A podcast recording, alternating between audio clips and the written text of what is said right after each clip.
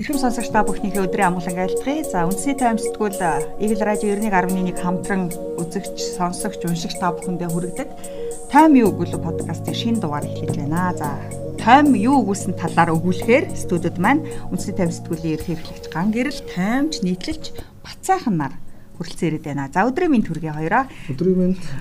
Нэг 7 хоног яах ихийн зураг бол өнгөрчих юм да тий. За даваа гарагт уламжлал явсаар тайм сэтгүүлийн маань 491 дахь дугаар уншигчдээ маань гар дээр очиод байна. Тэгэхээр онцлог нийтлэл болохоор Ганбаяр бичсэн байсан тий. Манай Eagle News телевизийн олон улсын таймч Дэлхийн мэдээ хөтөлбөрөөр нь үзэгчтэй сайн мэдих Ганбаяр маань уур амьсгалын өөрчлөлийн тухай өөр бодлууд гэсэн юм сэдвийг хүнджээ.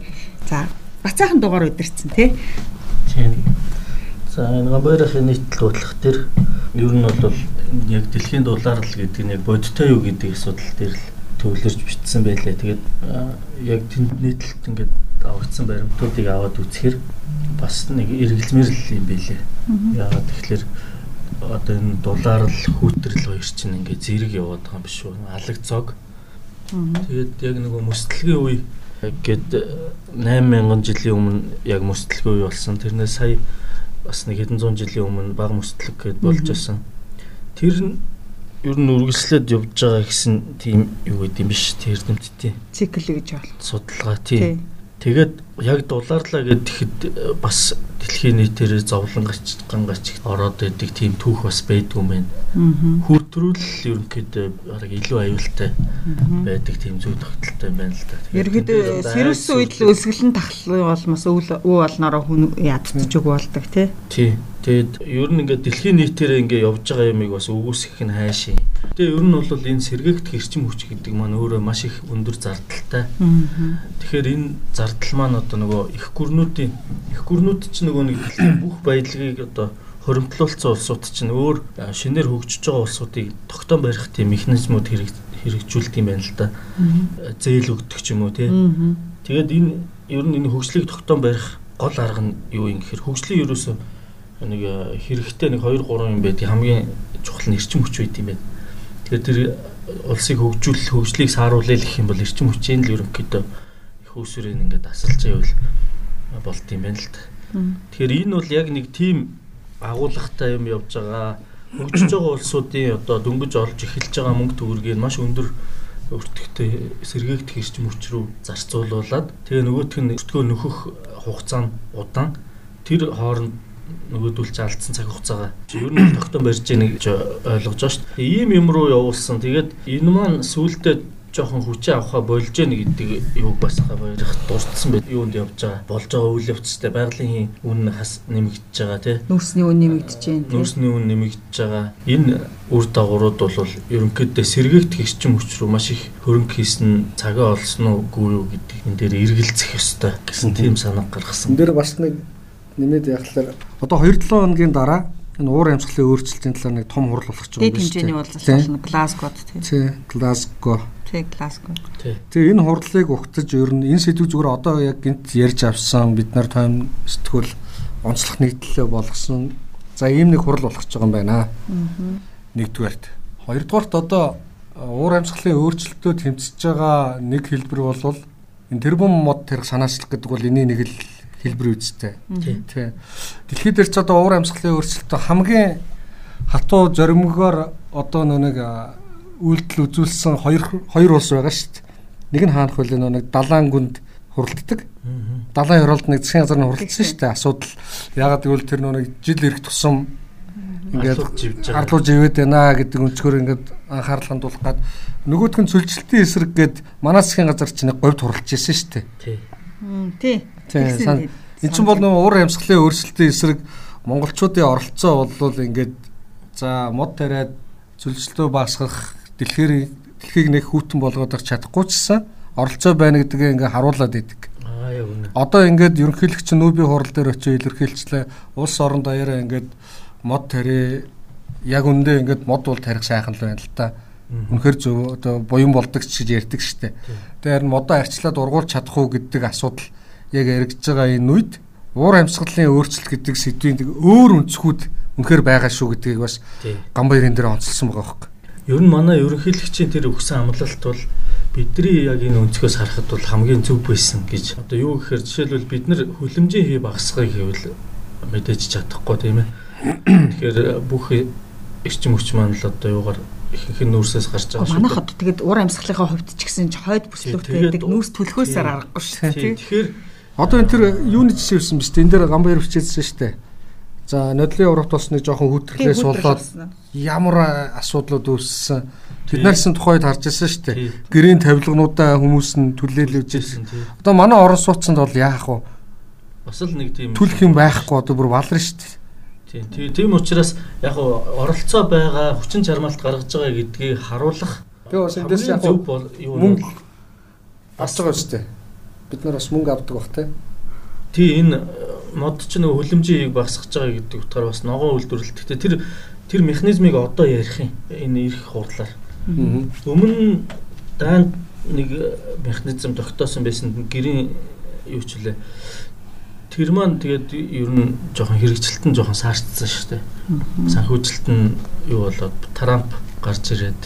Тэгээ тэрнээс бол яг нөгөө хүлэмжийн хэмнсэн гэдгээ ингэж тооцоолж талаад тэр мөнгө авдаг нэг тийм механизм байсан. Одоо энэ юу бол дахиад сэргэх бах гэж бодож байгаа. Энэ ирэх хурлаар тэрэн дээр. За.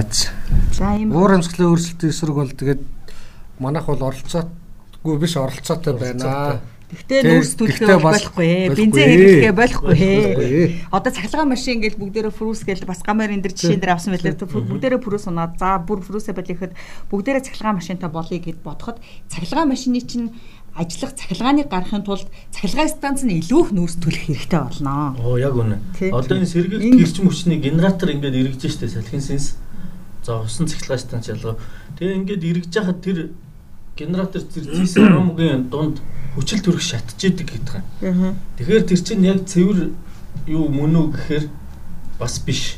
А зүгээр нүүрснээс арай бага байдаг нь юу байдیں۔ те.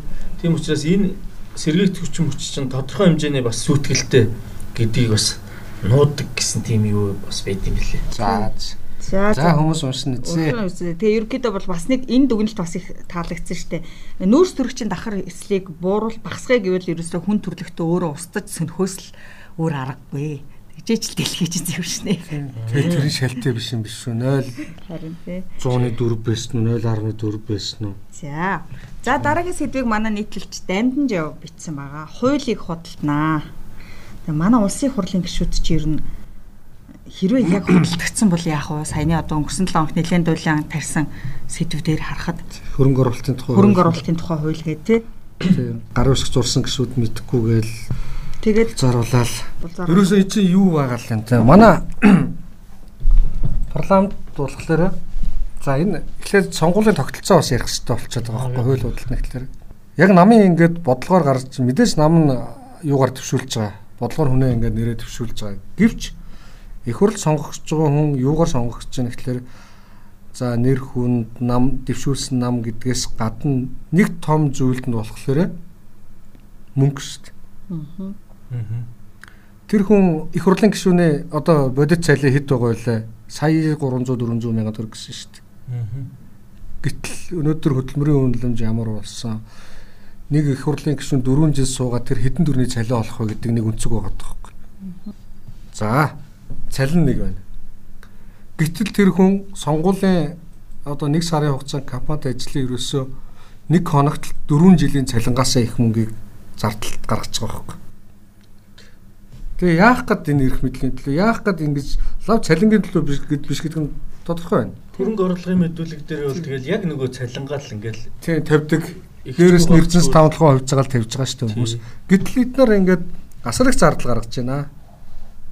Тэгэхээр ингээд нүг лобби төрдөг хууль янз бүрийн хууль батлуулж тэндээсээ бизнесийн бүлэглэлийн лоббиг л хийнэ гэсэн үг шүү дээ. Одоо мөнгө авч зарим нь өөрийнхөө бизнесийг л дэмжиж байгаа чи тий. Эсвэл бизнесээ хамгаалах гэж. Тий, эсвэл бизнесээ хамгаалах гэж. Тийм болохоор маш цөөхөн гишүүн тий 76 гишүүн тий 76 гишүүнээ 39 санал 39-ийн саналаар хууль батлагдж байна. Өмнө нь бол бүр хуралд оролцсон гişүүдийн олон хуйуу 39 гişүүн хуралд суугаад 20 хүний саналаар хууль батгдаг байсныг арай сайжруулад нийт гişүүдийн олон хуйу 39-оор хууль баталж байгаа байхгүй юу. Гэтэл одоо нүг яриад байгаа үндэстэн дамсан том корпорацууд гэдэм үү зарим хүмүүст бол манай их хурлын гишүүдийн 10 удаагийн сонгуулийн зардлыг даахад ямар ч асуудал байхгүй. 20 гишүүнийг худалдаад авахд ямар ч асуудал байхгүй. Тий. Ийм л хялбар тэгэд тэрүүгээрээ Монгол төрийн бодлогыг гаргаад ирж болохоор болчиход байна гэдгийг л хүндсэн. Тэгэд бол магадгүй их хурлын гишүүдийн тоог олон болгох. Тэгэх юм бол одоо нэг гишүүнээ шийдвэр гаргалтанд нөлөөлж байгаа байдал багасгах нь өөрөө худалдагдахгүй байх магадлалыг бас өсгөх ч гэдэг юм уу те. Яг тийм өнцгүүдийг энэ нийтлэл дээр үндсэн байгаа л да. Манайхан ч тэгэл захиалгын хууль яалаа гэдэл нь одоо- ингээд бид нар хоорондоо яриад байгаа шүү дээ. Яг саяны хэлсэн эрхлэгчийн хэлсэн өнцгөр ингээд аваад үзэхэд тий тэр аа, цаана лобби хийж байгаа хүн мөнгөтэй л юм бол 100 гишүүнтэй болох юм бол тэд нар нэг жоохон мөнгө нэмжил гаргана. Өө ямар ч асуудал байхгүй байхгүй. Тэгэхээр энэ дээр бид нар яах вэ гэхээр энэ гишүүдийн өөрсдийн нэг жоохон мэдлэг чадвар асуудал хөндөгж जैन тэр ажилдаа хандах хандлага нь бас харагчуудаа нэл бас нэг ашигтай юм боллоо гэж бодож шүү дээ. Одоо жишээлбэл би бол одоо тэнд байсан гişүүдийг бол дахиж одоо дэвшээд э, яхад дэмжихэд бол маш хэцүү болсон. Ягаад гэвэл тэр хүн зүгээр хуулаа орж ирсэн хамт санаачилсан хуулаа хараагүй шүү дээ. Тийм бидтэй. За. Цаад үр дагаврын бол нөхдүүд яаж ч тайлбарлаж болно. А энэ хараагүй гэдэг дээр бол ямар ч тайлбар байхгүй байхгүй. Хин ч худлаа ирсэн байсан. За тэгээ манайхан ч юм мартахтаа амрах шүү дээ. Бацаах минь 2 жилийн дараа болох сонгуул дээр мартсан ч явж иж мэдгэл баг тий. За дараагийн сэдвтэ орох. Энийг бол дамжин нийтлээс тодорхой унших хэрэгтэй байхаа. За ö, 2022 оны улсын төсвийг улсын хурлаар хилцэж байгаатай холбогдуулаад таймсдгуул цувралаар бас төсөвтэй холбоотой мэдээллүүдийг шүүрдэж шалгаж те нэгтэлж байгаа. За манай эдийн засгийн таймч сэтгүүлч болор эрдэнэ маань том даргатай аймаг их төсөг төсөв авдаг жишгийг тогтвоо гэсэн сэдвийг хүнцэм. Энэ юусоо баг хууль болчиход байгаа шүү дээ. Тэ? Хин одоо ерөнхий сайд байна, хин улсын хурлын дарга байна, хин ерөнхийлөгч байхаас шалтгаалаад одоо уугуул нутг нь гэх үү те уугуул нутг Их хөрөнгө нь их хөрөнгө оруулалт татдаг. Энийг бол одоо их хурлын гишүүн их хурлын эндэр дээрээс зарлан тунхагласан шүү дээ. тий Зандаа шатрыг спикерээр томилогдоход бэлэгт гишүүн албан ёсоор одоо манай баян онгорчуудад маш том боломж гарлаа. Аа. ч мэдээлэл хийжсэн ба. Бэлэгдэх чинь хээгүү тэгээд бодож байгаа шууд хийчихдэг. Шууд бодсноо. Тэгээ одоо Энэ батлагдж байна л да. Үнэн байна. Бэлэгт гишүүн. үн үн үн. Одоо Хинтээ аймгаас хоёр ерхий сайд дараалал сонгогдлоо. Үний түрүү одоо ерхий төчөө сонгогдсон хөрсөх Хинтээ аймгийн сонгогдсон байсан. Дараа нь эрдэнэ сайд байна. За мөн л энэ 22 оны төсөвт Хинтээ аймаг хамгийн хөрөнгө оруулалт татсан байжээ. Гэхдээ Ууган аймаг маань 76 мянган хүн амтай. Тэгээ эх онд Хинтээ аймагт 214 тэрбум төгрөгийн хөрөнгө оруулалт хийн. Ганцхан аймагт. Тий. За одоо бол юу мөн үү? Одоо зүүн бэсгийн тулгуур мулгуур нь юу аль нэ тэ. яг аялал жуулчлал тал руугаа нөгөө нэг ганц хүн татах боломжтой юм маань манай нүмүү Чингис хаан л байгаа шүү дээ. Тэгэхээр тэр утгаар нь жоохон хөгжүүлэлт хийгээд илүү мөнгө тавихыг бол үүсгэж болохгүй л дээ. А гэхдээ нодлон жил ямар байсан гэхээр нэг аймагаас дунд говь аймагаас жишээлбэл 30 40 дахин их мөнгө тавьчихсан. А тэнгуут тэр дунд говь аймгийн төсвийн задрааг нь би тухайн үед нь харж ирсэн байхгүй. Ихэнх нь урлаг соёлын үйл ажиллагаа заяа одоо нор банздын агсны нэрмжтийн уралдаан тийм юу гэдэг Уртын дуучдын уралдаан. Уртын дуучдын уралдаан гих мэтлэнгийн ер нь бол тэр тал руу ингээд Ер нь бодтой юу юм шиг дээ. Одоо бүтээн байгуулалт байхгүй гэсэн үг шүү дээ. Тэгэхээр дунд говьчуудын өөрсдийн онцлог нь бас нэг тийм нутгархах үзэл бас Монголыг их алж байна. Тэгээ энэ хинтийн төсөв дээр харахад одоо хинтийн сухал хоёр чинь зэрэгэлдэн аймагуд шүү дээ тий.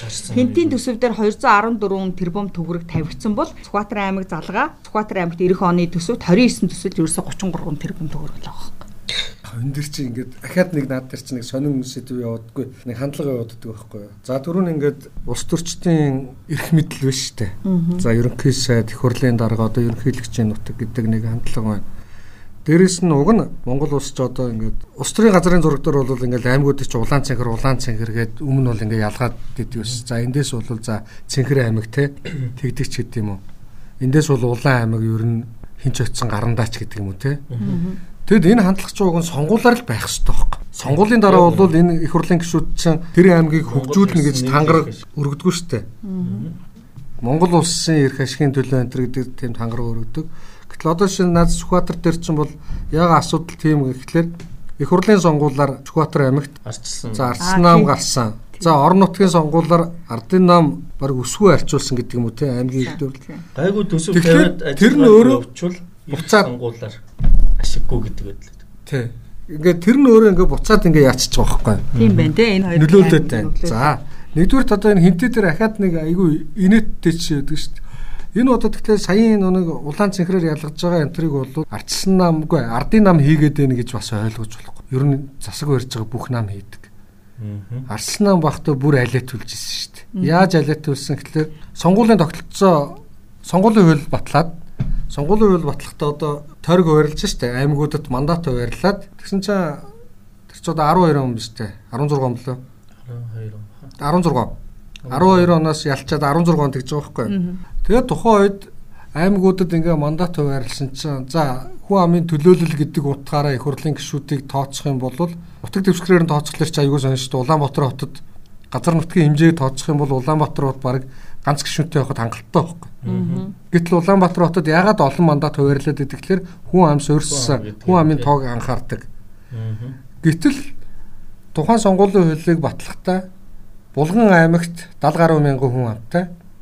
Булган аймагт нэг мандат хуваарлаж байгаа. За уг нь ярих юм бол анхдагчдын үлгээ олимпийн аврагтай нөө бүх юмны анхдагч энэ бол Булган аймагтаа олныг хуваарламар ч юм шиг. Хүн амынхын тоог одоход яаж хоёрыг хуваарлах биш. Тэгсэн чинь хинтээ аймагт яг хүн ам нь баг Булганаасаа цөөн хинтээ аймагт 3 мандат хуваарлсан байхгүй. Чингис хааны үлгийн нутаг гэж Тийм. хуваарласан. Тэгээд Чингис хааны үлгийн нутаг гэдэг юм ярьж байгаа. Тэр өнөөдрийн улс төрийн тогтолцоонд л ямарч хамаахгүй. Яагаад 3-ыг хуваарлсан гэхээр тухайн үед их хурлт олонхын бүлэг буюу ардсан намын бүлгийн дарга нь хинтийгээ сонгогдсон Гарамгаа Батарсан. Сая энэ хинтээд нөхөн сонгуулиар Нөхөн нэрдэж унж байгаа. Тийм. Гарамгаа Батар дараагийн сонгуул дээр илүү боломж авахын тулд хинтээд 3 Аа. юунд булганд нэг мандат. Ягаад гэвэл булганд тухайн үед чинь яа отхон бэр ганцаараа сонгогдсон байсан байхгүй. Мааны Өсөлтөгч. Тэгэхээр энэ бол тэгээд уг нь манай энэ улс төрчид нөө нэг эрх ашигын эрэм гэдэг юмаа байдлаад эхлээд улс орноо дараа нь тэгээд одоо намаа тэгээд нөгөө нэг хувийн эрх ашиг гээд дарааллуулаад уг нь ажлын үнэ. гэдэг тийм тангараг өргөд идэг боловч эхлээд за хамгийн түрүүнд өөрийгөө бодчих. Тэгээ намаа. За одоо ингээд өөрийгөө дахин сонгогдох боломжийг бодчих. Дараа нь намаа бодчих. Би тэр үед санаж байна уу? сангийн үгүй тэр үед их хурлын гишүүн одоогийн их хурлын гишүүн Хөрлбаатар тэр Увс аймгийн юуг чуулган дээр зурж үзүүлээд. Увс аймгийн газрын зураг дээр өнгөөр ялгаж удаад үзүүлчихсэн байхгүй. Яагаад гэсэн чинь яагаад өнгөр гэхэд Увс аймагт за Увс аймаг одоо ингээд яа тий нэг юм юу байхад 3 тэнцүү хуваагаад 3 мандатыг тавьж болно шүү дээ. Газар зүүн байрлалаар нь. Ойр ойролцоо ойролцоо ойролцоогоор нь. Тийм.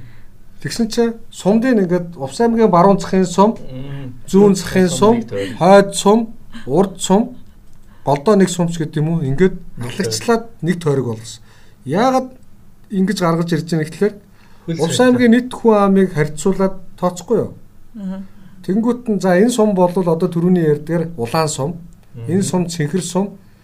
Тэгээ энэ хоёрыг нэгтгэхлээр цэнхэр нь илүү гарах гэдэг тооцооллыг хийж Тойрог тойрогоо тооцоолыг. Тэгээд тойргийн тооцооллоо хийсэн чинь Увс аймагт нэр дэвшиж байгаа хүн тойрогтой ажиллахын тулд одоо хоёр сумынх нь одоо хамгийн хол зайтай хоёр сумынх нь хоорондын зайд 600 км болсон шин. Тэгээ эн чинь ерөөсөө альч нам ингэж балертуулж байгаа байхгүй. Тэгээ одоо тэр бол одоо манад нөө арс нам мөгөд Жереминдер гэж яриад идэв үстэй. Сонгуулийн тойргийн газрын зураг зурдаг. Энд тэндээс нь яаж. Тийм. За. За энэ энэ байдлаараа ингээд за төсвийн хуваарлт эх онуудад ч том улс төрчид агаад Том улс явна. төрчөө дагж जैन сангийн сайд хэн байхаас бас шалтгаалж тийм. байна тий. Мөнгө цаасаа ингээд тараас татцаад нэг юм хийж чадахгүй байх гэдэг утгаар нь яах юм бол хийж чадж гин гэвэл энийг уг нь зөвтгөх нь жишээлбэл бүх мөнгөө зацаад тэнд Чингис хааны одоо юу гэдгийг бүх хэрэгтэй юмнуудаа бариад ингээд ирэх жилээс жуулчин ирээд эхлэнгүүт за хинтээд ингээ хийцэн болий гингүүтээ бусад юм аа жишээ нь хийгээд те. Болдог болдгол чинь- бүх мөнгө аваад одоо жишээ нь хэдэн жил ярьж байгаа Эрдэнэтэй Эрдэнтийн нөөний зис баяжуулах үйлдвэр ээ. Тийм. Зис баяжуулах биш ээ. Зис сайлуулах үйлдвэрээр барьчих юм бол уг нь тэгээд бас Тийм болчих бусад болно. аймагууд Тэрнээс өмнө эхлээд тэр манай одоо сангийн сайдын бас энэ энэ төсөвдөр бас сангийн сайдын хамгийн өндөр санхүүжилттэй шинэ хөрөнгө оруулалтууд дотор аймгийн төв дотор хавц замын шинжилэл засвар 18 км гэж аахгүй дархан уул аймгийн дархан сум 4 тэрбум төгрөг тавьсан байна. Эхлээд дархныхаа замыг дуусгамаар байна. Дархан доторхоо биш. Дотор тодорхой биш. Ирэмб гэдэг асуудал нэгдүгээр тавигдж байна. Дээрэс нь энэ итгэл гэдэг юм чинь бас байна шүү дээ. Одоо хинтэд одоо жишээлбэл 214 төгрөг- тэрбум төгрөгөөр юм хийнэ гэхэд нөгөө юу шиг болчих үү дээ. Өмнө нь нэг андлын юу шиг болчих үү дээ сэгдэг юм уу тий. Хамтлын өшөөрөө чинь юу дахиад тендер зарлагдсан байгаа шүү дээ хөшөө. Тэгээд тэн дээр бол гэхдээ улсын мөнгө бол урссан шүү дээ. За дараагийн за, орё. Энэ дээр бол гуруулаа бүр бүтэн подкаста дуусгах юм шиг байна. Шилэг төвөр маань тоглоомын байгууллага буюу төрийн албаны зөвлөл гэж хүндэжээ. Төрийн албаны зөвлөлийн тухай хууль одоо энэ намрын чуулганаар орох юм байна тий. Намрын чуулганаар хилцэх асуудлуудын жагсаалтанд орсон багцсан байна. Тэгэхээр төрийн албаны зөвлөлийг одоо бол бид нар тэгдэг шүү. Угаасаа л ирэх хэрэгчдийн альч одоо альч л нам засгийн эрх байрсан төрийн албаны зөвлөл бол ерөнхийдөө л эрх баригчдын тоглоомын байгууллага гэж шүүмжилдэг. За одоо миний ойлгосноор бол энэ өргөн барьсан хуулиас харахад бүр албан ёсоор очиж байгаа юм шүү. Тий. Гэхдээ ер нь ийм болчиход байгаа байхгүй. Төрийн албаны зөвлөл гэдэг байгууллага өмнө нь бол ингээд яг үнэхээр дүр хэсгээл эрх баригч намын явуулсан боловсон хүчнийг нэг шалгуур хангадаг хангаагүй гэдэг байдлаар нэг харж байгаа болоо шалгуур хангуулаад явуулдаг байгууллага байсан л та. Тэгсэн чинь сүүлийн 2 3 жил ковидын хуулиас болоод Тэгээ бүр шалгуургүй тийм төрийн албаны зөвлөл бол яг үндэ ямар ч ажил хийхгүйгээр цалингаа авч байгаа хүмүүс болцсон. Тий.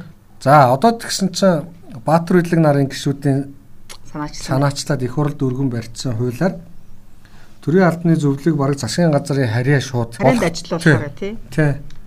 Тийм агуулга орж ирж байгаа. За энэ бол ер нь өнөө төрийн алба доктортой байх, юу байх энэ төр гэл нэг улс төрөөс ангид байх энэ төр гэдэг юм бол ингээд за байхгүй болох чинь. За зарим улс тийм жишээтэй байдаг гэд яриад байгаа. Тэгээд магадгүй тэгээд албан ёсоор хуульчлаад өгчүүл илүү хариуцлага тооцоод амархан болох сайн талтай байж магадгүй. За нэгдүгээрт энэ. Хоёрдугаарт энэ хуулийн гол нэг амин сүнс нь төрийн албаны нэг шатлан дэвшигч зарчим гэж байгаа шүү дээ. Мэрит. Энэ зарчим үндсэндээ байхгүй болох гэж байна. Яг тэгэхээр нэг өнцгөөсөө Баатар үлгийн өнцгөөс харахаар бас нэг зөв юм шиг. Төрийн албанд ингээд насаараа суудсан ана агаа нар тэнд ингээд салхи оруулах дургу одоо жишээ нь гадны өндөр боловсрол эзэмсэж ирсэн залуучууд очиод ажиллаа ихлээр гэд нэг шин санал санаачлаг гаргахлаар нь ерөөсөө ингээд Өвчин дартаг. нухчин дараад хэргаад байдаг. Тийм учраас гадны байгууллагадгүй гадны нэг Тэгэд боловсрол тий ихтэй бол сургуульд гэхдээ бас тэр чинь дэлхийн шилдэг гэдэг- ихтэй сургуульд ингээд төгсөөд ирсэн хүнийг тэр мерит зэрэгтийн болоод ажилласан жил мэлийн тооцохгүйгээр өдөрт галбамшаал тавь гэдэг тийм төсөл орж ирж байгаа юм. За нэг талаасаа бол зөв. За мундаг байна. Үнэхээр боловсролтой хүн ирээд төрийн албанд ороод ингээд салхи оруулаад ч юм уу сайжруулад шинэлэг тийм орчин үеийн юмнууд нэвтрүүлэх гэдэг өнцгөн зүв байна.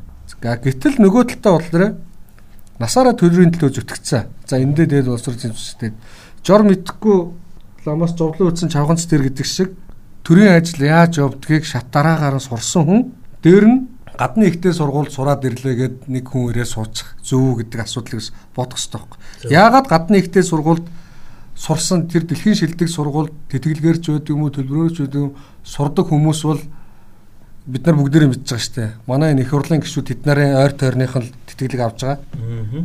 Тэгэхээр тэд нарын хүүхдүүд өмнө ингээд ил тод ингээд яригдаа явдаг ш. Одоо бол ингээд бүр хуулийн хүрээнд угсаар залгамжлаа төрийн албыг авч явах. Нэг ийм үнцэг л байгаад байгаа байхгүй. Тэгэхээр одоо энэ э, нийгэм ингээд нэг хоёр талдаа ингээд э, баян ядуу гэд хуваагдаж байна. Тэгэхээр энэ ядуучууд нь тэр чигээрээ ингээд төрийн албанд нэг мэрэгчлэнээс дээш гарахгүй ингээд үлдэх юм уу, хар ажиллаа хийгээд үлдэх юм уу? Эсвэл энэ а, хичнээн амьдралын боломжоос үл шалтгаалаад ир хэрвээ энэ хуулийг баталж л байгаа бол тэрнтэй зэрэгцүүлээд хүний одоо хөрөнгө мөнгнөөс шалтгааллахгүйгээр яг сурлагын цэвэр а, үзүүлэлтийг харж агаад гадаадад явж их дэлхийн шилдэг ихтэй сургуульд суралцах тэр боломжийг нээж өгөх хэрэгтэй. тэгж чадахгүй бол энэ бол ерөөсөө Монгол яг кастинг систем рүү л алхаж байгаа нэг алхам гэж За энэ дахиад нэг ганцхан юм байна шүү дээ. Нэг юм өнгөө байдаг үстгүй өнгөөч гэжтэй нэг юм байдаг юм те. Тэр нь юу гэхээр нэг хүнээс нэг хүүхнээс сууж гин л те. Танаа гэр тэр нь асуудлыг хэн шийдэж байна гэдгсэн чинь. Өө манаа нөхөр ер нь бүх том асуудлуудаа шийднэ гэж тэгсэн гэл. Та яадаг гэсэн. Би бол жижиг шажиг асуудлуудаа шийддэг манай нөхөр одоо ингээд гэрээ хамаг том юм шийддэг гэд. Тэгэд яг том асуудал гэдэг чинь юу хэлээд байгаа юм гэсэн. А том жижиг нь бол би шийддэг гинэ. Асуудлын том жижиг. Тэгэл энэ томоог л нөхөртөө өгөөл шийдээд энэ жижигхэн ингээл өөрөө шийдээд байдаг. Ер нь бол манай эрчүүд бол дэлхийн дулаар л те түрүүний хэлсэн дэлхийн дулаар л төв хоорондын одоо аюулгүй байдал тийм юмд л оролцсон шүү дээ. Тэр шиг энэ дээр дэлхийн шилдэг сургууль гэдгийг хэн тодорхойлгоо гэсэн чинь боловсролын яамны нэг газар тодорхойлох юм гинэ. За. Тэгэхээр одоо хаач төгсөөд ирсэн энэ дэлхийн ерөн шилдэгдүү сургууль шүү гэд ажилд авах боломж нээх боломж нээх гинэ. За дараагийн сэдвтэ орё. А манай сэтгүүлч даваасран хүний эрхийн чиглэлээр ялангуяа охид эмэгтэйчүүдийн эрхийн чиглэлээр цуврал нийтлэл бичиж байгаа. Тэгээ энэ удаад хизээч арилж хэрхэвч бүдгөрөхгүй шарах гэсэн ийм сэдвийг э, хүнджээ. Тэгэхээр энд гол нь юу гэхээр өсвөр насандаа тий насанд хүрээгүй байхдаа ээж болсон охтуудын аж амьдрал байдлын талаар биччихэлтэй. Одоо одоогийн байдлаар 2020 оны байдлаар Монгол улсын хэмжээнд одоо өсвөр насны 85 мянган охин байгаа гэсэн тоо эхлээд хэлье. За тэгтэл жилд 4000 орчим өсвөр насны охин одоо насанд хүрээгүй байхдаа хүүхэд төрүүлдэг гэсэн үг тий. Тэгэд мянган төрөл тотмын 30 гаруй хувийг 10-аас 19 насны жирэмслэлд эзэлж байна гэж. Хамгийн харамсалтай нь одоо энэ өсвөр насндаа ээж болж байгаа охтуудын 70 гаруй хувь нь өргөх толгойлж хүүхдээ ганцаараа өсгдөг. За тэгээд энэ 70 гаруй хүүхдээ ганцаараа өсгөж байгаа өсвөр насндаа ээж болж байгаа охтуудын дийлэн хувь нь ерөөсөө хүсээгүй жирэмслэлт. Эсвэл бэлгийн хүчирхийллийн золиос болж байгаа. За ингээ өсвөр насндаа хүүхэд төрөөсөө охот эрүүл мэнд, нийгэм, эдийн засаг, сэтгэл зүй маш олон бэрхшээлийг туулдаг. Тэднийг ингээд нийгэмшүүлэх, бие сэтгэлийн эрүүл мэндэд анхаарах нэгдсэн бодлого дутагдaltaй байгаа талаар хөндөж бичсэн байгаа. Энэ охтууд хүүхдээ өсгөх хэрэгтэй. Өөрөө бас тэг нийгэмшиж, боловсраж, амьдрал итгэх итгэвтэй болох хэрэгтэй. Тэгэхээр тийм байдгүй ерөөд амьдрал нь бол нэлийн гонигтай зам руу хөтэлдэг. Дараагийнх нь одоо үнтэй суух байдаг юм уу тэгэхэд бас нэг хүчирхийллийн золиос ч байдаг юм уу иймэрхүү зүйлүүд байдаг. За хүүхдэд төрүүлсэн нэг хэрэг. Аа төрүүлээгүй өр хөндүүлсэн тохиолдол бас маш олон байдаг тий. Тэгэхээр энэ дээр төрийн бодлого нэгдүгээр чухал байна. Хүмүүсийн хандлага бас маш их чухал байна. Одоо тэр хүн хүүхэд одоо өсвөр насндаа хүүхэд төрүүллээ гэхэд тэрийг одоо хадалж одоо ялгуурлан гадуурхдаг тийм үзэл. Энэ болохоор бас маш их дарамт болоод тэгээд тэр хүн одоо нийгэмшиггүй бүрэг юу болгох ч гэдэг юм. Сургуулаасаа гараад ингээд э, хоцорж үлдэх бас шалтгаан болж байгаа. Энд бол нэг тийм мөнгө төгрөг гараад их юм байхгүй шүү дээ. Хүн болгоно л өсвөр нас. Одоо эн чинь ингээд хүүхдийн одоо бие бэлтрийн нэг хөгжил мөгжил чинь бас шал өөр болоод байна гэдэг бас бидний үеийг бодвол нэг ганц хоёр насаар төрүүлж одоо бие гүйцэтгэж гэдэг үлээ. Ийм бас юу байгаа. Энэ чиг хандлага мандлагыг анхаарах хэрэгтэй. Тэгээ бид нар гол нь энийг анхаарлаа гэд хүүхдийг одоо бэлгийн харьцаанд ороод одоо жирэмсэн болж төрхөн зөв гэж байгаа юм биш. Гол нь энийг хүмүүс ойлгоод тэр хүнийг ялгуурлан гадуурлахгүй байх тийм ээ тийм юуг л суулгаж өгөх ёстой. Ер нь өсвөр насны одоо сургуулиудад бол явж байгаа ёстой нөгөө нэг бэлгийн боловсрал олох тийм хичээл сургалтны яригддаг байсан тий. Эрүүл мэндийн эрүүл мэндийн жирэмстээс хамгаалагч байдаг юм уу тий. Тийм зүйлүүдийг бас маань цогцоор шийдэх. Ер нь бол хүүхэд төрүүлэх хэсэг бол тухайн хүний өөрийнх нь хувийнх нь эрхчтэй байхгүй юу? Тийм учраас тэрийг хамгийн түрүүнд ойлгож хүлээж авах хэрэгтэй. Тэгэл сөрөг юунууд байгаа бол тэр бол бас тустай. Тийм том асуудал. Энэ бас амар сэдвээ тий. Тийм энэ хүн сэдвээ. Тийм нэг бүгдээрээ уншичул уг нь. Тэр тусмаа охтуудтай хүн хүүхдээр одоо хүүхдтэй болж хоёулаа хүүхдийн мөнгө аваад явж гэсэн шүү. Тэгээ тэр айгүй буруу хэлсэн шүү дээ манай сангийн сайд тэрийг тэ тайлбарлах та. Төсөө эмнэх зардал их гараад байгаа юм шиг маягийн талаас. Тэгээ айгүй хүний эрхийн талаас айгүй. Тэгээ манай энэ юу чинь нөө нэг муухай сонсогдож байгаа өгүүлэмжтэй дарга гэдэг шиг л юм болж байгаа. Өгүүлэмжтэй дарга. За хонгор зул залуус тгүүлж хонгор зул маань тэр түрүүний бид хэдий ярьдаг нөгөө боловсролын сэдвийн бас нэг проблемыг хүндсэн. намын бялуу хуваалт төсөв дээр байсан бол одоо намын бялуу хуваалт ч бол боловсролын салбарыг бас сүрүүлж байна гэж байгаа байхгүй. Одоо нэг засаг дарагч байдаг юм уу солигддог. Тэ? Одоо өнөөдөр хэрэгжиж байгаа боловсролын хуулиар аймаг нийслэл сум дүүргийн засаг дарга тухайн нутаг дэвсгэрийн сургууль цэцэрлэгийн захирал эрхлэх шарыг томилох хэрэгтэй. За үүнтэй холбоотойгоор улс төрийн нэг сонгуул олоод нэг улс төр савлгаа үүсэл нэг 4 жилд цикл өөрчлөгдлөө гэж ботход дагаад ерөнхий боловсролын 672 сургууль 948 цэцэрлэгийн төрийн өмчин шүү дээ. Боловсролын байгууллага удирдлага дагаа солигддог. За доошоогоо захирал эрхлэгчин солигдлоо гэхэд чинь доошоогоо нийгмийн ажилтнанд эхлээд солигдно. За одоо нэг ахлах багшч байдаг юм уу те? Хичээлийн эрхлэгч одоо юу гэдгийг ингээд солигдоод явж байгаа. Тэгээ боловсролын энэ томилгооноос үүдэлтэй боловсролын байгууллагын багш нарын эрх зөрчигч байгаа хамгийн осолтой нь хүүхдүүдийн маань эрх зөрчигч зөрчигч байгаа. Тэгэхээр энийг би хонгорогийн нийтлэлийг уншаад ингээд байж хад ер нь энэ Монголыг энэ болоод байгаа юм чинь намын энэ хатуу гişүнчлэл гэдэг нэг юм байна. Тэ. Эннээс бас болоод байгаа юм биш үү дээ гэсэн тийм бодол төрсэн. Яагаад гэвэл намын одоо энэ хатуу гişүнчлэл гэдэг юмар ба штэ тий. Жишээлбэл сонгуулийг одоо хууль бусаар авч болж байна. Мөнгө тарааж болж байна. Энэ болохоор нөгөө нэг сонгуулийн хуультай зөрчилдөхгүй талаас нь тэрийг зохицуулж байна. Яагаад гэвэл бид нар ингээ намын гişүүдтэй дэмжлэг үзүүлж байгаа мач гэдэг юм уу?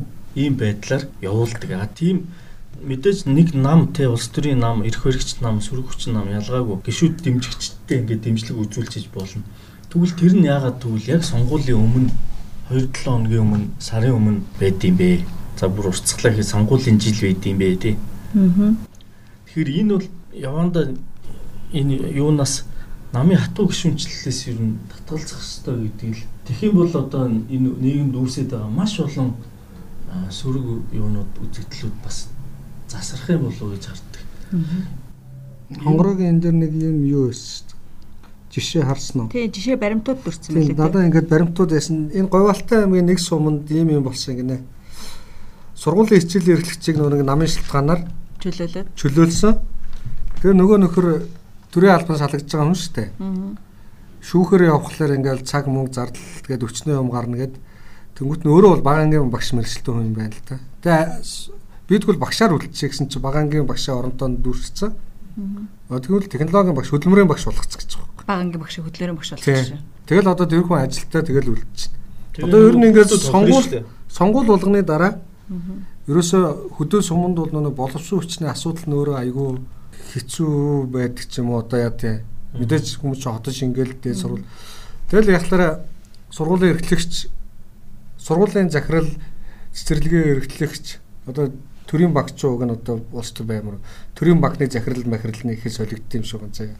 Тэгээ солигдонгуудаа нөгөө одоо за сургуулийн захирал хийжсэн хүнийгээ за одоо та засаг дарга болгоо болгочтой. Эсвэл иргэдийн урлын дарга болгоо. Тийм иргэдийн урлын дарга болгочтой. Тэгээд жишээ нь нэг нам нь ялсансан нөгөө боловсон хүчний юунаас болоод сургууль дээр нь халаас илгээ. Тийм халаас илгээ тэгэл заавал өрнөд идэг. За нэг юм юм. За иймэрхүү манай жалга давны л асуудал. За хонгороо манд бас нэг сэдв хүндсэн бүгдээрээ шүглүүлээ гэ. За өнгөрсөн 7 хоногт бас нийгмийн сүлжээн дээр нэг сэтгүүл ганч мөг те хадбар төвчин судлалын үндэсний төвийн өнөөгийн байдлын тухай цуврал одоо зураг гэх юм уу те гарч ирээд том нийтлэл бичих соног байлаа ганагч тэгээд яасан оруулсан. Тэгээ энээс болоод нариун цэврийн асуудал тэр дотоод засвар тогтчлт энэ 30 жил нүүж чад 86 онд холбор төвчин судлалын үндэсний төв энэ байрандаа нүүж очсон нүүж очсноос ганц засвар хийгдээгүй. Гэхдээ хэрэг сэтгэл байсан бол баг засвар хийх л байсан багт арайч тийм байдалтай байхаар бас л нүү талтармаар өдөж өчтөр дахиад зургнууд оруулсан байлээ. Тэгээд энэ асуудалтай холбогдуулаад бид нар ерөөсөө манай энэ нийгэм тэр чигээрээ ялангуяа эрх баригч дарга нар ганц төрийн байгууллагч гэлтгүй хаана хаана ерөөсөө л ажиллаа ингэж л хийдэг болж. Сошиалт нэг зураг оруулангууд л тэрний шүмжлийн муур мөрөөр жорлогийнхэн тагийг очиж хийдэг те. Заавал хэнийг нэр хилүүлж ээж, заавал сошиалоор бөмбөгдүүлж ээж шийдвэр өөрчилдөг болсон. Шийдвэр гаргадаг болсон. Бие өмөрдөг. Эсвэл бие өмөрдөг. Өчтөр одоо манай хотын дарагч нь бас л тийм байхгүй гэж сууж илээ шүү дээ те. За тэгэхээр энэ манай нийтлэлээс өмнө хүндчихсэн нөгөө нэг бүгд матач иргэдтэй матач улс болёо гэж. Ерөөсөө энэ төрийн байгууллагын ажил үйлчлэгээ одоо төрийн хувийн ялгаагүй нэг газараар ороод үйлчлэгээ авсан бол тэр тухайн төрсэн сэтгэлдлээ холбогдох одоо энэ чинь нөө иргэдийн боловсрал ярих гэдэг шүү дээ. За энэ асуудлыг хаана юу ядгүй хариуцдаг вэ гэдгийг бид нар нийгмийн нэг хэсэг болоод амьдарч байгаагийнхаа хувьд тэр төлийн мэдээлэл байх хэрэгтэй байна тийм үү. Тэгээ нэг газар ороод үйлчлүүллээ. Өө эн чинь энэний харьяаны байгууллага гэдэг дээд чатны байгууллагад нь талархал илэрхийлээд ч юм уу эсвэл шүүмжлээд нэг юм бичих хэрэгтэй. Германд бол юу ч яг тэгдэг гэж байгаа. Нэг юм дээвэр ингээд нарны сарвч хийцэн байхад хүмүүс өө энэ ямар гоё юм бэ сарвч барьсан байна гэл. Зарим нь болохоор ёо ямар төвхтэй юм бэ зүгээр үсэн юмыг сарвч гэд ингээд зөндөө хүн бичдэг гэж байгаа байхгүй тэгэхээр энэ ямар мессежтэй гэхэлэр тэр төр эрх мэдэл хэрэгжүүлээд тэр төсвийг захиран засуулж байгаа хүмүүст биш үү те нэг ч үйлдэл нь юунаас гарахгүй. Иргэдийн одоо хараанаас гарахгүй шүү гэдэг мессежийг байнга өгч идэг. Тийм учраас тэн дээр хийж байгаа бүтээн байгуулалт одоо манайх бол жишээлбэл би өмнө нь одоо манай ерөнхийлөгч ерөнхий сайд байхдаа Мегомбинх бол дарах хүртэл одоо маш олон сургууль тоо хийлээ сургууль хэлжсэн. Тэгэл тэр сургуулиуд нь жишээлбэл одоо баригдсан бол асуудал бас маш дайггүй хэцэрч мэрч юм шиг маш олон сургуулийн тоо хэлэл явж байсан тийм үү? Аа одоо энэ хамран сургах тойрог мориг. Тийм. Тэгэхэд одоо тэр сургуулиуд нь байхгүй байна. Манай миний амьдардаг газар гэхэд жишээлбэл нэг цэцэрлэг чөлөө сургуульч юм мэддэхгүй байгаа. Тэр 2 3 жил ингээд суурин тавигдаад ятсан байж лээ. Жилд нэг давхар баригддаг юм ааш. Гэтэ яамд яамд барилга бол маш хурдан баригддаг. Юм байж хахад бид нар иргэд биш үү те. Энийг байнга нэхэж а тэр асуудалд иргэн гэдэг чинь өөрөө том нийгмийн том албан тушаал маш том одоо эрх мэдэл гэж байгаа байхгүй.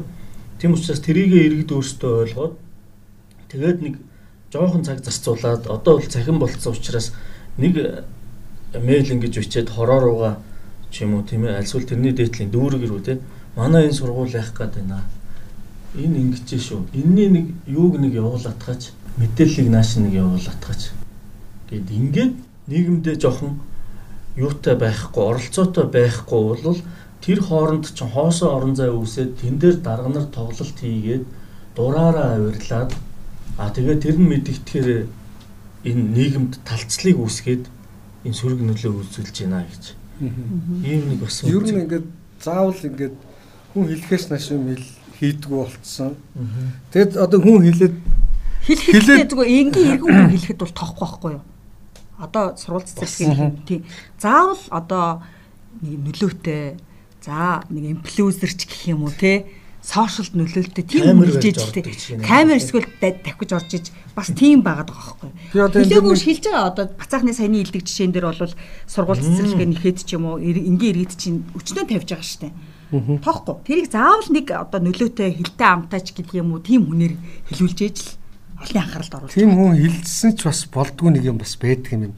Айгуу санаж. Би одоо 100 өөрт тохиолдсон жишээ яриа. Манайх энэ гачууртын дэшээ тусланд гардаг байхгүй хог ачдгүй тэгсэн мөртлөө сар болгоны ихэнд хог ачна гэд мөнгө авдаг. Хог ачдгүй тэр хорооны маань Facebook групп мөр палта групп мөрөв дээр бол энд ч хог ачсангүй тэнд ч хог ачсангүй. Тэгээ нөө зугаалгынхаа ирээд бөө хог тарилаа гэдэг ингээл пост явуулдаг ерөөсөө ядгүй тэгээ нэг хөөцөлтлөө би. Бүр хороо моргоор нь ороод хариуцсан хүн амтны хайгаад Тэгсэн чи одоо манай хэсгийн ахлагч гэх юм уу одоо юу гэдгийг тэр нөхөнийх нь уцыг олж байгаа юм. За ярьлаа ингээд ингээд ингээд байна. Энэ хог мог ачдгүй чи арайд байгаа юм шүү гэсэн чи. Харин намайг хэлэхлээр болохгүй юм аа. Чи даргалууныг ярих уу гэд. Тэгэд над даргийнхаа уцыг өгөөд би даргалуу нь бас подкаст маст хийшүү энэ төр гэж яриад. Тэгсэн чи харин оройд хогийн маш ирсэн шүү дээ. Энэ флүүз нэгэд болжээ. Тэр бол тэгээд нөө нэг хөөрхөө яг байгаа нөхцөл байдлаа тэр яг хог ачуулах тэр хариуцсан ажилтаа хүн мэдээд мэдээд ингээ хүчин чадал нь хөрөхгүй. Тэгээд чи нэг даргалуу хэрчэлтэй гээд. Надаар тэгээд миний уцыг даргаас үгүй даргад уц өгсөн гэж битээ хэлээрээ гээд. Тийм байдлаар арай дарга руу баахан хил ам хэрүүл уруул болж ижил ер нь хог байгаа хөөх. Тэгвэл тэр хог чи ачихгүй бол тэр баахан зугаалгын хүмүүс ирээл нөгөө хог нь овоолол тавина. Тэр чи авч явах газар байх юм чи хогийн цэг байхгүй. Тэнгүүт дараагийн зугаалгынхаа ирээд бүр уул овоолгоод идэг. Тэгээд зүйлтэн тэгээд нэг даргын утас олж ийж Ер нь бол За тийм болсон. Давуу идэлцэн юм байна. Дабл стандарт явцсан юм байна. За дараагийн сэдвт би битсэн байгаа. Энэ хятад мөрөөдлийн төгсгөлгээд сүүлийн үед одоо нөгөө хятадын олонний танил жүжигчд те олонний танил холиудад гэсэн одод за тэгээд нөгөө Джекма, Жакма, Жакма гэдэг том одоо хамгийн дэлхийн хятадын хамгийн тэргүүн баян болцсон уу те тэр хүмүүс тэргээд нөгөө нэг сэмээрх ингээд олонний анхаарлаас гараад аль болох чимээгүй амьдрах юм хэв маягт ороод байгаа. Тэгэхээр энэ бол хятадын коммунист намын одоо ачуултыгаа олдтогтнуудыгаа намнах бодлого маш эрчимтэй явагдаж байгаа. Сая 8 сарын сүүлд манайх одоо сайн мэдэндээ нэ Хуанжугийг канон тоглодог. Хуанжугийг жүжигчин Жаава гэдэг хятадын жүжигчнээс хамгийн алдартай алдартаагаас илүү хамгийн баян жүжигчин. Эд одоо одоо Хуанжугийг тоглосны дараа эд Холливуд эдэрт гараад кино олж исэн орлого олж исэн үедээ бол маш амжилттай гэр бүлийн амьдрал зохиож айгуу том хөрөнгө оруулагчтай суусан. Тэгээд нөхдөйгээ хамтраад маш олон төвсөлд хөрөнгө оруулсан. За тэр отго өвөр Монголд хүртэл уурхай эзэмшдэг монголчуудтай хүртэл хамтарч ирсэн тохиолдол. Жаава 8 сарын 26-нд хятадын интернет ертөнцөөс бүр мөс арчигдсан. Түүний тоглосон кино. За бид нар бол яг одоо ингээд Google мүлээ хагаа. Хятадын интернет хэрэглэгчид гэдэг чинь одоо тэрбум хэдэн зуун сая хүн байгаа зү тэ. Жавагийн тухай нэгч материал олж үзэж болохгүй. Жавагийн тоглож исэн одоо Хуан Жигүүг гэдэг юм бүх киног үзэх боломжгүй болсон. Яасан гэхээр минер эх хөрөгчдийн дургуг хүргэсэн. Тий. За олон удаа нөгөө сахлагын зөрчил гаргасан гэж байгаа боловч ямар нэгэн байдлаар хитрхи хөрөнгөчсөн баг. Тий. Энэ одоо би бол ингэж ойлгосон. А хятад ч нөгөө хоёр систем нэг улс гэж байгаа шүү дээ. Тий. Тэгэхээр нэг систем нь бол ойлгомжтой зах зээлийн систем. Нөгөөх нь бол одоо коммунист. За тэгэхээр ингээд зах зээлийн систем тал руугаа нэлээд хөгжүүлээд анхаараа чөлөө анхаарах ч байх уу чөлөөлөхөд л болно шүү дээ. Ингээд чөлөөтэй явуулаад ирэнгүүт тэр талаараа ингээд хөгжөөд ерөнхийдөө барууны орнуудаас нэг дутхгүй их айтайхан явсаар байж байгаа үндэсний хэмжээний том том хөрөнгө оруулагч бий болоод ингээд явлаа. А тэнгүүт энэ нөгөө хоёр дахь нөгөө тогтолцоонд нөлөөлөд илүү давмгаалаад энэ нь илүү юм байна гэдэг ойлголт төрүүлэх ч юм уу тий. Тий. Ингээд эренгүүт хязгаарлах хумх бодлого явуулаа. А энэ хумх бодлогыг маш бага одоо хүчин зүтгэлээр хамгийн их нөлөөтэй хийх боломж бол ерөөсөө тэр оргил болсон тэр үлгэр жишээ болсон тэр хүмүүсийг ганц нэг намнахал арга байхгүй. Тэгэх юм бол нөгөө дооцчулан чимэг болно. А дооцчулын нэг гэх юм бол дээдчүүл нь бас юм ярина шүү дээ. Аа. Жишээлбэл тий. Тэгээд би бол Джекма юу хоёрыг бол яг тэгж харсан. Ягаад тэгэхээр тэр Ант групп Джекма ч хувьцаа гаргах гэдэг айпо гаргах гэж. За тэр хувьцаа гаргах юм бол тэр бол дэлхийн хамгийн том компани болох нь ойлгомжтой байсан. А тэр том компани дээр барууны хөрөнгө оруулагчид одоо маш ихээр орж ирээд за ингээд тэр барууны эрх ашиг орж ирнэ гэсэн үг шүү дээ. Тэгэхээр мэдээж баруунд ч гэсэн бүх юм төрийн бодлого бас байдаг байхгүй. Тэгэхээр эндээс бас зайлсхийгээд энийг ер нь оруулж ирж болохгүй гэдэг утгаар нь тэр IPO хийхийг зогсоосон шүү дээ хүчээр. Тэгсэн. Тэгээд тэрнээс хойш Джек Ма алга болсон. За урлаг юуны салбар дээр гингүүт энэ Java-гээр нэгснөө тугдах гэсэн тий. За тэрнээс өмнө бол ганц нэг жижигчүүдэр бас яаж үдсэн юм бэлээ. Нэг нөлөөгүй байсан гэж ойлгосон. Тэгээд одоо тэрнээс хойш бол шууд ил зарлсан. Одоо энэ хөрөнгө хуваарлтыг тодорхой түвшинд барина. Барина гэж. Нэгсэндээ нэг хэд их баяжиж болохгүй гэдэг нэг феминизм гэдэг утгаараа. Тий Энэ сүүлийн жишээ бас энэ DD гээд бас тэр гар утасны аппликейшн такси дууддаг аппликейшн хятадтай болохоор 377 сая зорчигчтай тийм аппликейшн байт юм лээ те бас яг Нью-Йоркийн хөрөнгөний бирж дээр бас IPO босгоод хөлийн чанд дахь хэрэглэгчийн тоо 493 сая түрээд ирэнгүүт бас хитэн засгийн газраас энэ компани дөрөн журам зөрчсөн ингээд бас хязгаарлаад эхэлж байгаа байхгүй бас аппликейшнийг устгаад уг нь бол уг нь бол тэр компани гаднаас гадна хэрэглэгч үүсгээд гаднаас мөнгө төгрөг олж яана гэдэг бол бидний хувьд бол мөрөөдөл үстэй. Тэгэхэд бол үгүй л дээ. За тэгээд энэ хятадын дарга Ши Жинпен 4 жилийн өмнө бол улсынхаа иргэдийг хэмжээшгүй баян болгоно гэж ардын хурал гэх нэг жилд нэг удаа болдог зүрхтэй том хурал гэдэг бодлогоо тодорхойлдог. Энэ хурал дээр тэгж мэдэгжсэн. За энэ өнгөрсөн хаврын хурал дээр бол ингэж хэлсэн.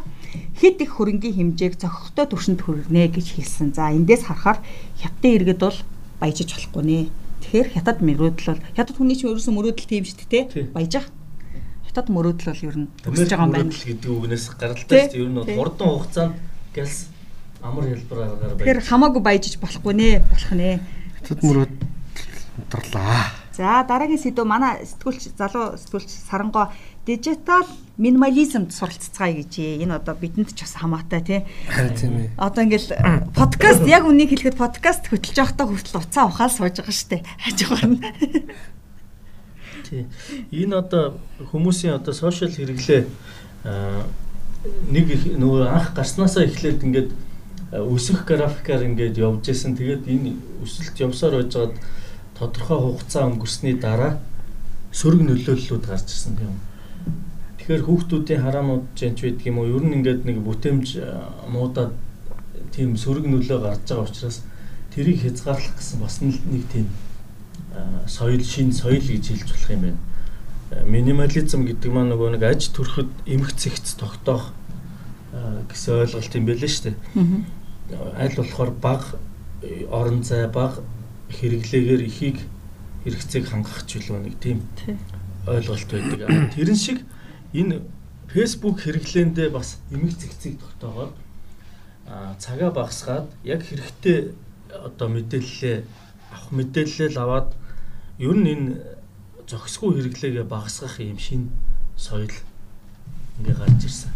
Би тэгээд энэ сарангогийн нийтлэлийг уншичаад энэ дотор их маш гоё зөвлөгөөнүүд байгаа. Тэрийг бас олж үзээрэй. Манай баг ихтэй жоохон дижитал минимализм те бас чи сошиал тосымыг айгуу жоохон хоцорч мэдсэн байдаг те. Тэгэхээр бас гайгүй юм шүү. Би л амралтын хоёр өдөр ингээд уцаа авахгүй байхаар маш сайхан амардаг тархитлагоо тэр нийгэм дагаж савлах юу ч байхгүй болдог. Жишээлбэл одоо тэр бензин ордод ховрлоо гэж бас хүмүүс чинь амралтын өдрүүдэр бас баахан шуугцгаас юм шүү. Бям гаргийн орой. Тэрийг бол хизээч мдээгүй тэгэхээр би ч гэсэн 50 байгаа байхгүй. Дагаж хүмүүсийг дагаж хөөсөрч бензин ховордох гэж байгаа юм байна гэж нэрвдэхгүй. Энэ нэг судалгаа байсан тийм утсан дээр тийм юу байд юм бэ? Тохиргоо байд юм бэ? Facebook төчнэн цаг зарцуулсан. Тэгээ би тэрийг бас харсан чинь би яг тэр өвчтөй гэртээ хөвчээс үе шээ дээ. 1.8 цаг гэдэг дундчаар бас гарч ирж илээ. Тэгэхээр яг тэр үед амар яцсан. Би одоо жишээлбэл ийм төрлийн ажил эрхэлдэггүй бол бүр тэнэг утас барьмаар идэг байхгүй. Ухаалаг ингэсэн бэ. Судалгаар ажил бас болдог. Дэлхийн хүн интернет хэрэглэгчдийн дундад хугацаа ер нь 3 цаг байдаг гинэ. Тэгэд Монголынх болохоор 4 цаг гэж шүү дээ. Дэлхийн дунджаас бол бид интернет илүү л явж байна. Тэгэд 13-аас 18 насныхны хэрэглээ бол бүр 4.6 цаг гэсэн байна. Хит. Нөгөө заримдаа бол донтно гэдгийг манай Ер нь бол донтчод байгаа. Хүүхдүүдийг хилтнээгүй бид нар бол ерөөсөө донтчод байгаа. Дэлхийд дээр интернетийг хамгийн удаа хэрэглэдэг улс ч юу байдаг юм бэлээ? Филиппин байдаг юм бэлээ. Тэгээ өөрсдөө хүртэл манайх ингээд баг ингээд за дэлхийн дунд чинь 3 цаг бол манай филиппинчууд 6 цаг интернет зарцуулдаг өдөр болгон гээд. Би нэр нэг жишээ ярих. Йоо яагаад тийм юм бэ гэсэн чинь ингээд бид нар ингээд айгүй их мэдээлэл энэ төр авдаг яадаг. Гэхдээ манайхан удаан интернет зарцуулдаг нь интернетийн хурдтай холбоотой баг гэдэг. Бас зөвтгөл байна тий. Тий. Тийм юм ярьж ирсэн. Юу ядгийг нөгөө нодлоос 18 онд ч солонгост байжсэн чинь нэг Филиппин найзтай. Нөгөө Филиппин найз маань ингээл Э, явж исэн чинь гинтг нохоо хоцлоо. Үс энэ нохоо юу нохоо хоцсон гэдэг. За энэ манай гэрийн нохоо хоцсож байгаа ингээд. Тэгсэн чинь ямар сони чинь аливаа үзье гэдгсэн чинь ингээд гэртэйгээ холбочдөг юм байна. Одоо миний миний ойлгосноор бол одоо нөгөө видео чат биш үү? Тий. Видео чатыг л мөнгөн болгож байгаа юм шиг байгаа. Тэгэл тэр нэг утас нь эхнэрт нь юм уу гэрт нь ингээ байж байдаг. А мань хүн болохоор уцаа хермалаад явж байдаг. Тэгэл тэр гэрт одоо юу болж ийн бүх юмыг л мань хүн солонгосоос хянаад шүү. Оо ямар тэртэй. Тэрч угаасаа одоо тэрч зүгээр камер байхгүй та. Гэртээ камер суйрлуулчаад одоо яаж ядах вэ? Манай найз яах вэ штэ. Хүүхдүүдэд хүнээр харуулдаг итгэдэггүй. Аа тэр ч үл байж. Тий, гэртээ камертай заяа. Тэгээ одоо дүүдээ тийм хоол ээж өг. Одоо наа хүүхдүүдээ ингэх юм биш үү, тэх юм биш үү гэл хүүхд тунтах гэдэг гээд эндээс уцнаасаа дуу тавьж өгөөд явж ядхөө. А тэгэхээр эн чинь нэг хэрэглэгч гэдэг утгаараа бас тэр цаган дээр нэмэгдээд Тий. За. За цааш. Чи тэр хувийн юм руугаа орлоо. Тэгээд хувийн сэдв рүү хальж шүү. Сэтгүүл дээр маань одоо урлаг бууланд цувралаар уран зургийн түүхийг одоо энэ Амина гэд э, урлаг судлаач та хамтран бэлтгэж байгаа. Манай сэтгүүлс даваасран. Тэгээд дэлхийн алдартай уран зургуудын түүх, өгүүлэмжтэй. Бид нар чинь уран зургийг бас ингээл хараал өнгөрөхөөр нарийн деталь энэ зүйлүүдийг бол бас мэдэхгүй шүү дээ. Тэгэхээр Аминатай хамтраад юм цуврал зургуудыг танилцуулж байгаа. За энэ удаад болохоор нөө Помпей сүүлчийн өдөр гэдэг алдартай зураг байдаг. Нөгөө Италийн Визуви галтуул дэлбэрэхэд болсон дарагдсан хот байдаг. Тэгээ энэ Помпей хотын сүүлийн шүнийг э, дүрсэлсэн маш алдартай уран зураг байдаг. Тэгээ энэ зургийг Карл Павлович Брюлевийн энэ зураг юм байна. Тэгээ энэ зургийг Амина яаж тайлбарласныг та бүхэн бас сонирхоод үзэр. Энэ зураг бол яг тэр гамшиг зовлон тохиолдож байгаа нөхцөл маш олон төрлийн арин шин гарна хүний. Аа тэгээд галтуул гэдэг чинь бас байгалийн тий одоо онц сонин үзэгдэл тэр өнгө будгийн хоршил деталь эдрийг урлаг судлаачийн өнцгөр тайлбарласныг сонсоорой. За. Уран зураг маань одоо шууд гэрэл зураг шиг ингээд байгаа юмыг авдггүй тухайн зураач өөрөө бодож сэтгэж тий яадаг учраас тэн дотор маш их утга санаа агуулгдсан байт юм. Тэгээд ташрамт хэлэхэд бид нар одоо энийг нэлээд бүр цувралаар олон явна. Тэгээ манай сэтгүүлийг унших юм бол та бүхэн бас дэлхийн шилдэг маш олон зургнууд одоо юу агуулга ямар мэдээлэл агуулгаж байгааг мэдээд бас сүулт нь үзэх боломж гарах юм бол арай өөр өнцгөөс бас харах. За дараагийн сэдв спорт болон бацаахан өөрөө бичсэн тий. Ньюкасл гэдэг баг одоо дэлхийн хамгийн баян баг болчихоо. Аа тий. Энэ багийн тухай товчхон ирэн шүү бацаахан. Цаг ер нь нэлээ явсан баг тий. Сонсогчд маань жоохон чилж байгаа баг энэ горовч одоо. Энэ ингээд нэг юм олон жил бас яригдсан 8 аа бидлээ болж байна Сауди Арабын төрийн мэдлийн хөрөнгө оруулалтын сан юуны Английн Премьер Лигийн Ньюкасл багийг 80% нь худалдаж авсан байгаа.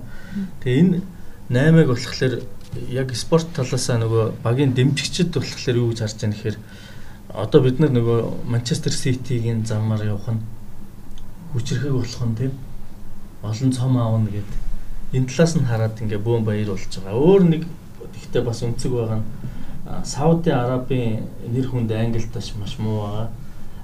Тэр ханхуу гэд байгаа. Тэр ханхуугийн нэр хүнд бас юу байгаатай холбоотой байж магадгүй энэ одоо хөл өмгийг мөнгө угаах хэрэгсэл болгож ашиглах тим эрсдэлтэй гэдэг бас сөрөг мэдээлэл явж байгаа юм байлээ.